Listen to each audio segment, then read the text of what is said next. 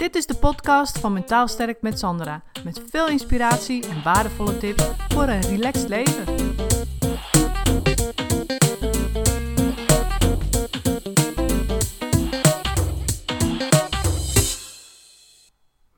Er is één soort persoon die ik eigenlijk nooit zie in mijn praktijk. En dat is een narcist. Nou, dat is natuurlijk logisch dat ik die niet zie in mijn praktijk. Want uh, ja, narcisten die denken nou eenmaal dat ze alles zijn. Weet je, die uh, mensen die lijden aan deze persoonlijkheidsstoornis, die voelen zich belangrijker dan anderen. Altijd. En ze zullen ook altijd anderen de schuld geven. Dat alles wat er fout gaat, is altijd een schuld, de schuld van een ander. En ze trekken ook graag de aandacht naar zichzelf toe, worden graag op een voetstuk gezet. En weet je, de verwachting is ook van deze persoon is ook dat iedereen altijd voor hun klaar staat, altijd naar hen luistert en zich ook zo gedraagt zoals hij, hij of zij wil. En ze zijn ook vaak gevoelloos, ongeïnteresseerd. Maar het gekke is dat eigenlijk die mensen die dus aan deze persoonlijkheidsstoornis lijden, hebben vaak een enorm laag zelfbeeld. Wat je niet verwacht, omdat, uh, ja, weet je, het lijkt net of ze alles kunnen. Ze, zijn, ze lijken zelfverzekerd en ze komen over als, alsof ze het helemaal zijn, weet je. Zitten ook vaak in hele hoge posities, dat is ook heel opvallend. En dan verwacht je dus van, ja, weet je, dat is dan gewoon een zelfverzekerd iemand, die heeft al iets bereikt en kijk eens hoe goed hij doet en hij heeft alles in de hand en weet je zo. He, want hij wordt nou eenmaal graag op een voetstuk geplaatst. Dus hij verzamelt ook mensen om zich heen die hem, dan ook op dat voetstuk, hem of haar dan ook op dat voetstuk plaatsen. Daar heeft hij natuurlijk ook een bepaalde radar voor. Uh, voor mensen uit te zoeken die daar gevoelig voor zijn. Maar eigenlijk heeft deze persoon zelf een heel laag zelfbeeld. En probeerde dus eigenlijk constant die bevestiging te krijgen dat ze goed zijn en dat ze het goed doen. Dus dat lijkt echt heel tegenstrijdig. En als jij met een narcist te maken hebt gehad, dan weet je ook dat zo iemand in het begin echt heel innemend is, heel voorkomend en ja, heel charmant misschien zelfs wel. En dat maakt het ook lastig, want ja, daar val je dan voor, weet je wel, voor zo iemand. Maar uiteindelijk kom je dan, hoe langer je een relatie met zo iemand hebt, kom je natuurlijk steeds meer gedragspatronen tegen waarvan je wel voelt, hé, hey, dit klopt niet. In de loop van de tijd zul je dan ook gaan merken dat zo iemand je bijvoorbeeld gaat manipuleren. Weet je, dat je dus gemanipuleerd wordt om uh, te doen wat hij of zij wil. En het ergste hiervan is dat dit vaak in de hulpverlening dus niet herkend wordt. Dus ik heb, uiteraard heb ik te maken gehad ook met uh, slachtoffers van narcisme. En wat er dan vaak gebeurt als daar de hulpverlening ook bij betrokken is, dat zelfs de hulpverleners, dus stel dat, het, uh, dat je te maken hebt met een gezinssituatie en jeugdzorg wordt ingeschakeld, of de kinderbescherming, of de Raad van de Kinderbescherming, en, of allerlei andere instanties, dan heb je dus te maken met hulpverleners. En die hulpverleners, die vallen eigenlijk ook een soort van voor, voor die narcist. Want die weet het altijd zo overtuigend te brengen dat dus de ander gek is. Dus uh, ja, het slachtoffer zeg maar, van het narcisme.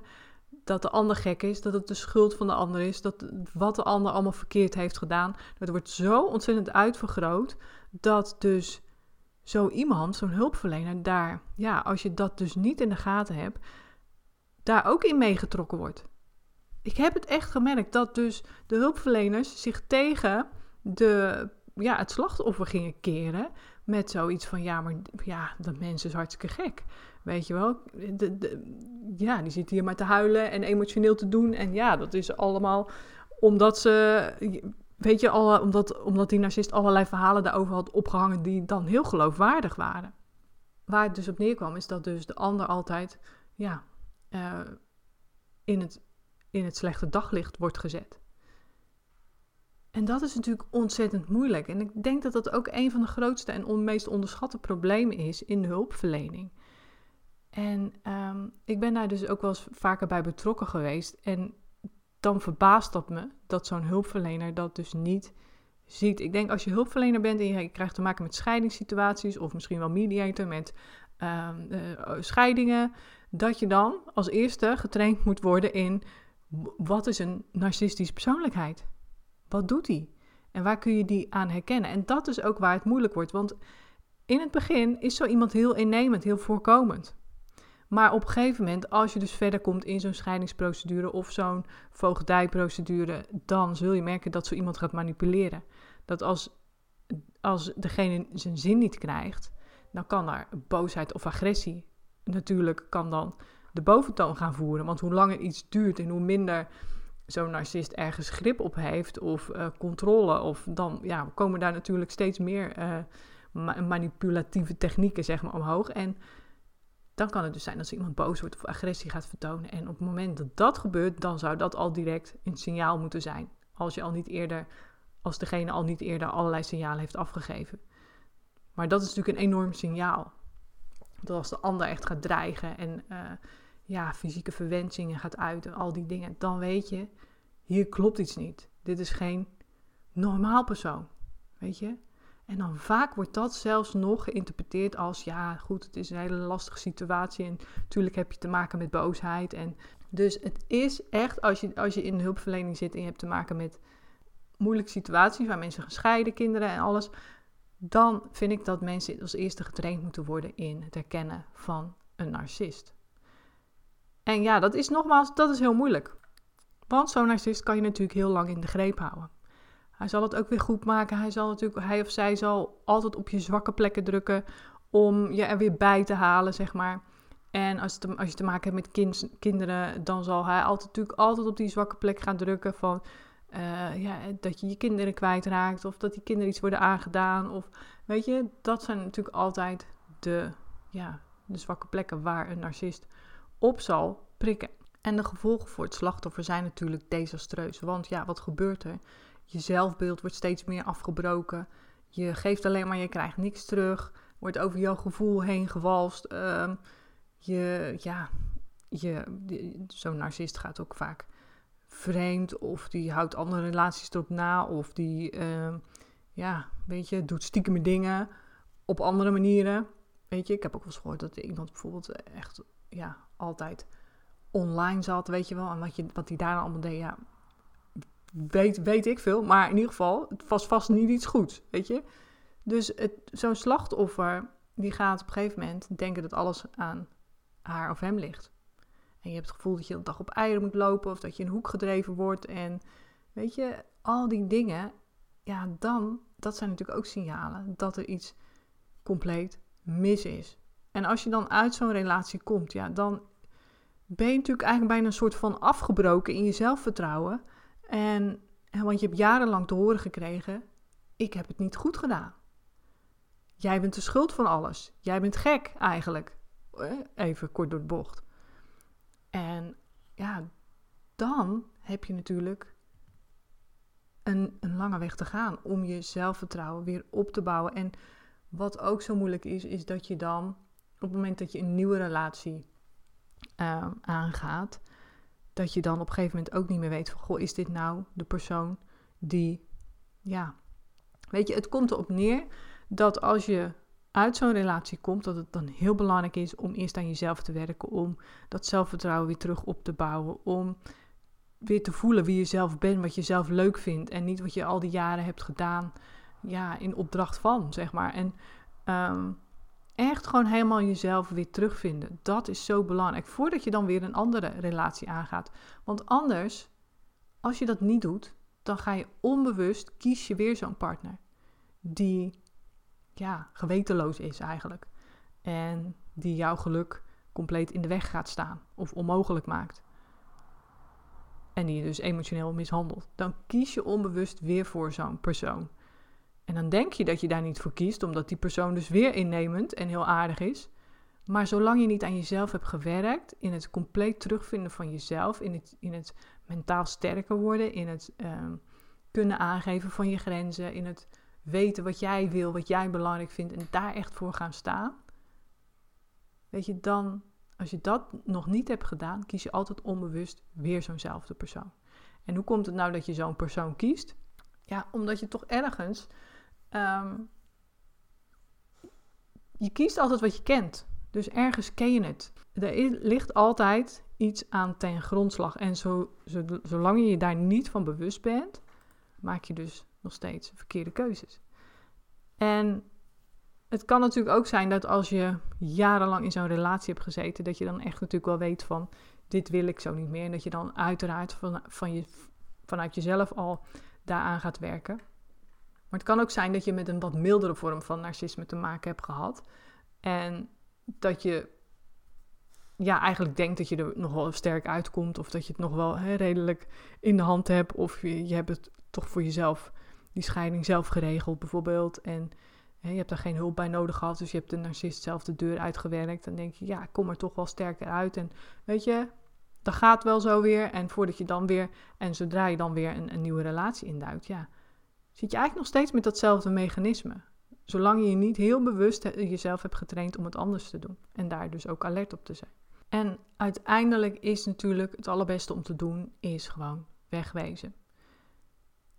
En dat is misschien een stuk makkelijker als je te maken hebt met een narcist in je werk. Je kunt te maken hebben met een narcist in je team of als leidinggevende. Ik heb het zelf ook wel eens meegemaakt en dan voel je gewoon, er is iets gewoon echt off hier. En wat je dan het beste kan doen, is gewoon wegwezen. Want zo iemand als die in een organisatie werkt, die zal altijd alles naar zijn eigen hand zetten. Die zal zo slim genoeg zijn om zichzelf op dat voetstuk te houden. Die zal um, ja, de, degene die boven hem staat manipuleren of hij zit zelf in de hoogste positie, waardoor hij of zij uh, ja, de controle over alles kan houden en dus mensen kan manipuleren en dus ook mensen er, er, eruit kan werken die hem niet aanstaan. En als je dat tegen de borst uit, dat je denkt, ja, maar ik wil je helemaal niet weg en dit is mijn positie en je gaat ervoor vechten, ja, dan kom je in een soort van eindeloos gevecht terecht. Want een narcist die zal zich daarin vastbijten, die zal niet loslaten totdat hij of zij gewonnen heeft. En de vraag is, wil je jezelf dat aandoen? Weet je, dat enorme gevecht, wat natuurlijk ervoor gaat zorgen dat je gaat piekeren, dat je je moe voelt, dat je je, ja, je bent het vechten. Je staat constant in die vechtstand. En wat doet dat allemaal dan niet met je psyche en met je lichaam? Dus de vraag is, heb je dat ervoor over? Nou, ik zou het niet doen. Ik zou het gewoon echt compleet niet doen. En er zijn meer narcisten in, in organisaties dan je denkt. Het is echt bizar. Maar als jij hooggevoelig bent en jij voelt bij een bepaalde persoon van hé, hey, of je hoeft niet eens hooggevoelig te zijn hoor, maar zeker als je hooggevoelig bent, dan, dan weet je eigenlijk al bij iemand, als je iemand die heel innemend, heel voorkomend is, die heel, um, ja, ook heel agressief of onredelijk reageert op jou als jij misschien je grenzen aangeeft. Hè? Want dat kan natuurlijk ook dat diegene dan, uh, ja, eigenlijk daar niet tegen kan. Dat jij niet met hem meegaat en niet, uh, ja, eigenlijk al, al als slachtoffer je opstelt, zeg maar, dan, ja, dan gaat zo'n persoon natuurlijk jou enorm tegenwerken. Dus dat kun je ook gemerkt hebben. En dan weet je gewoon, wegwezen. Ja, er zit echt niks anders op. En nou is dat dan niet makkelijk als je een baan hebt en je zit misschien verder wel uh, daar goed op je plek of wat dan ook, maar toch wegwezen. Maar als je nu in een relatie zit en je hebt kinderen, wordt het natuurlijk nog moeilijker. Want ja, dan zitten de kinderen tussen en dat zal die ook als machtsmiddel of manipulatiemiddel gaan gebruiken. En dat is natuurlijk je allergrootste zorg en je allerzwakste plek. Maar uiteindelijk bedenk ook natuurlijk zeker voor jezelf dat je ook een voorbeeld geeft aan je kinderen. Dat je dus je kinderen ook laat zien, ik kies voor mezelf. En ik kies er niet voor om de lieve vrede te bewaren ten koste van de sfeer in huis, ten koste van mezelf en ten koste dus ook van de kinderen. Dus je kunt daarin juist een goed voorbeeld stellen naar je kinderen toe. Zo van, als je in een destructieve relatie zit, kies dan voor jezelf. Hoe moeilijk dat ook is. En de weg er naartoe ja, nogmaals, is met een narcist natuurlijk uh, heel erg lastig. Want die zal aan alle kanten proberen om dat tegen te gaan. En het zo lang mogelijk te rekken. En daar zo moeilijk mogelijk over te doen. En eigenlijk de enige manier om dat ja, in goede banen te leiden, is dan ook al voor jezelf te bedenken van ik heb niks te verliezen. Want ja, je hebt ook niks te verliezen als je van zo iemand af bent, kom, kom, ben je alleen maar beter af. Dus dan op dat punt kun je al gaan trainen om jezelf, uh, om voor jezelf op te komen. Om dus grenzen te stellen. Kijk, wat er vaak ook met narcisten is, als ze, wat ik net ook zei, als je een grote mond teruggeeft, dan zijn ze natuurlijk van slag. Want dat zijn ze niet gewend. Ze zijn alleen maar gewend dat ze Ze verzamelen natuurlijk mensen om zich heen die met hun meegaan. En als je dan voor jezelf gaat opkomen en je grenzen gaat stellen, dan weten ze even niet meer wat ze moeten doen. En dan zijn ze vaak dat je wel gewoon het idee hebt van oké, nu heb ik grip op de, op de zaak. Want ja, je draait eigenlijk de rollen om. En dat is niet misschien heel logisch voor jezelf om te doen. Als je zeker niet als je een hele lange relatie hebt en je zit al in bepaalde opgebouwde gedragspatronen. Maar wees er niet bang voor om dat zeker in het laatste stadium van de relatie al te gaan uh, inzetten. Want dat gaat je juist helpen om los te komen van die narcist. En zo'n narcist die zal dan ook uiteindelijk eieren voor zijn geld kiezen. Want dan ben jij ook niet meer de persoon die hij of zij graag om zich heen heeft.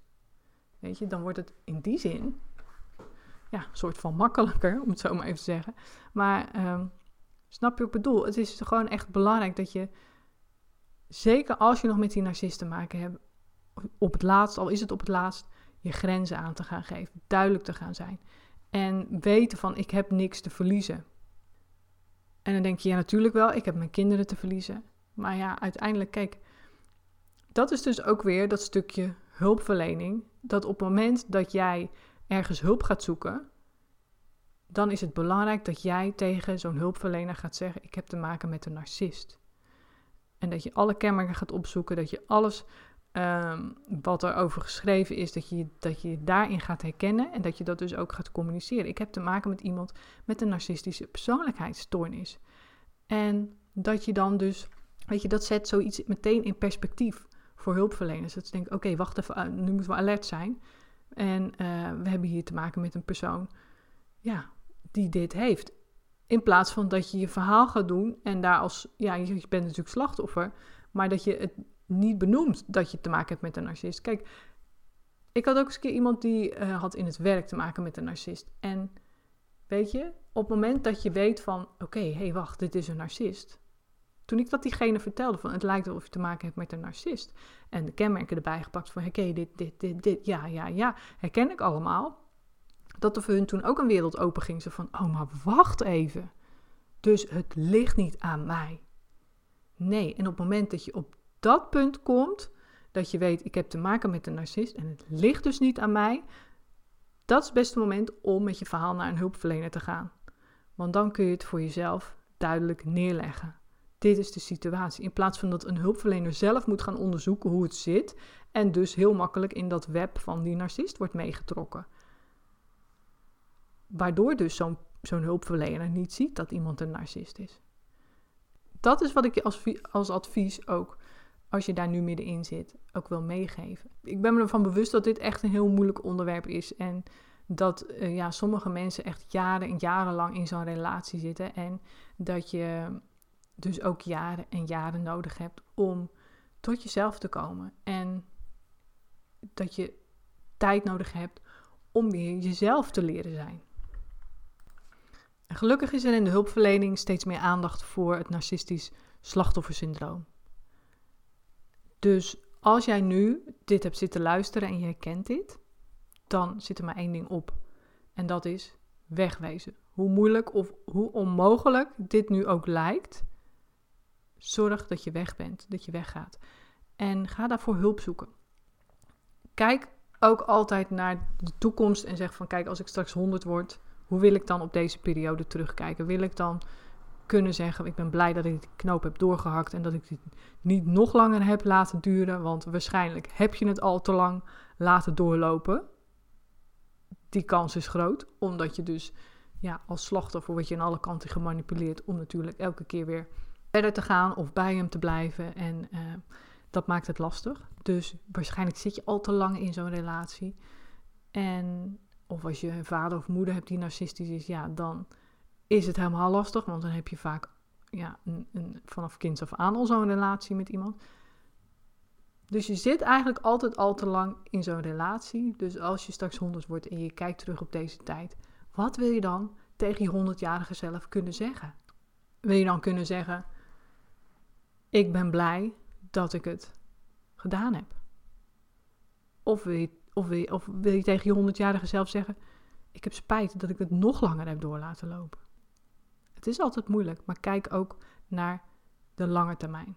Als je hieruit komt en het lukt je om helemaal tot jezelf te komen, dan kun je nog een heel nieuw leven beginnen. En dat is ook wat ik jou gun. Dus zoek hulp als je in deze situatie zit.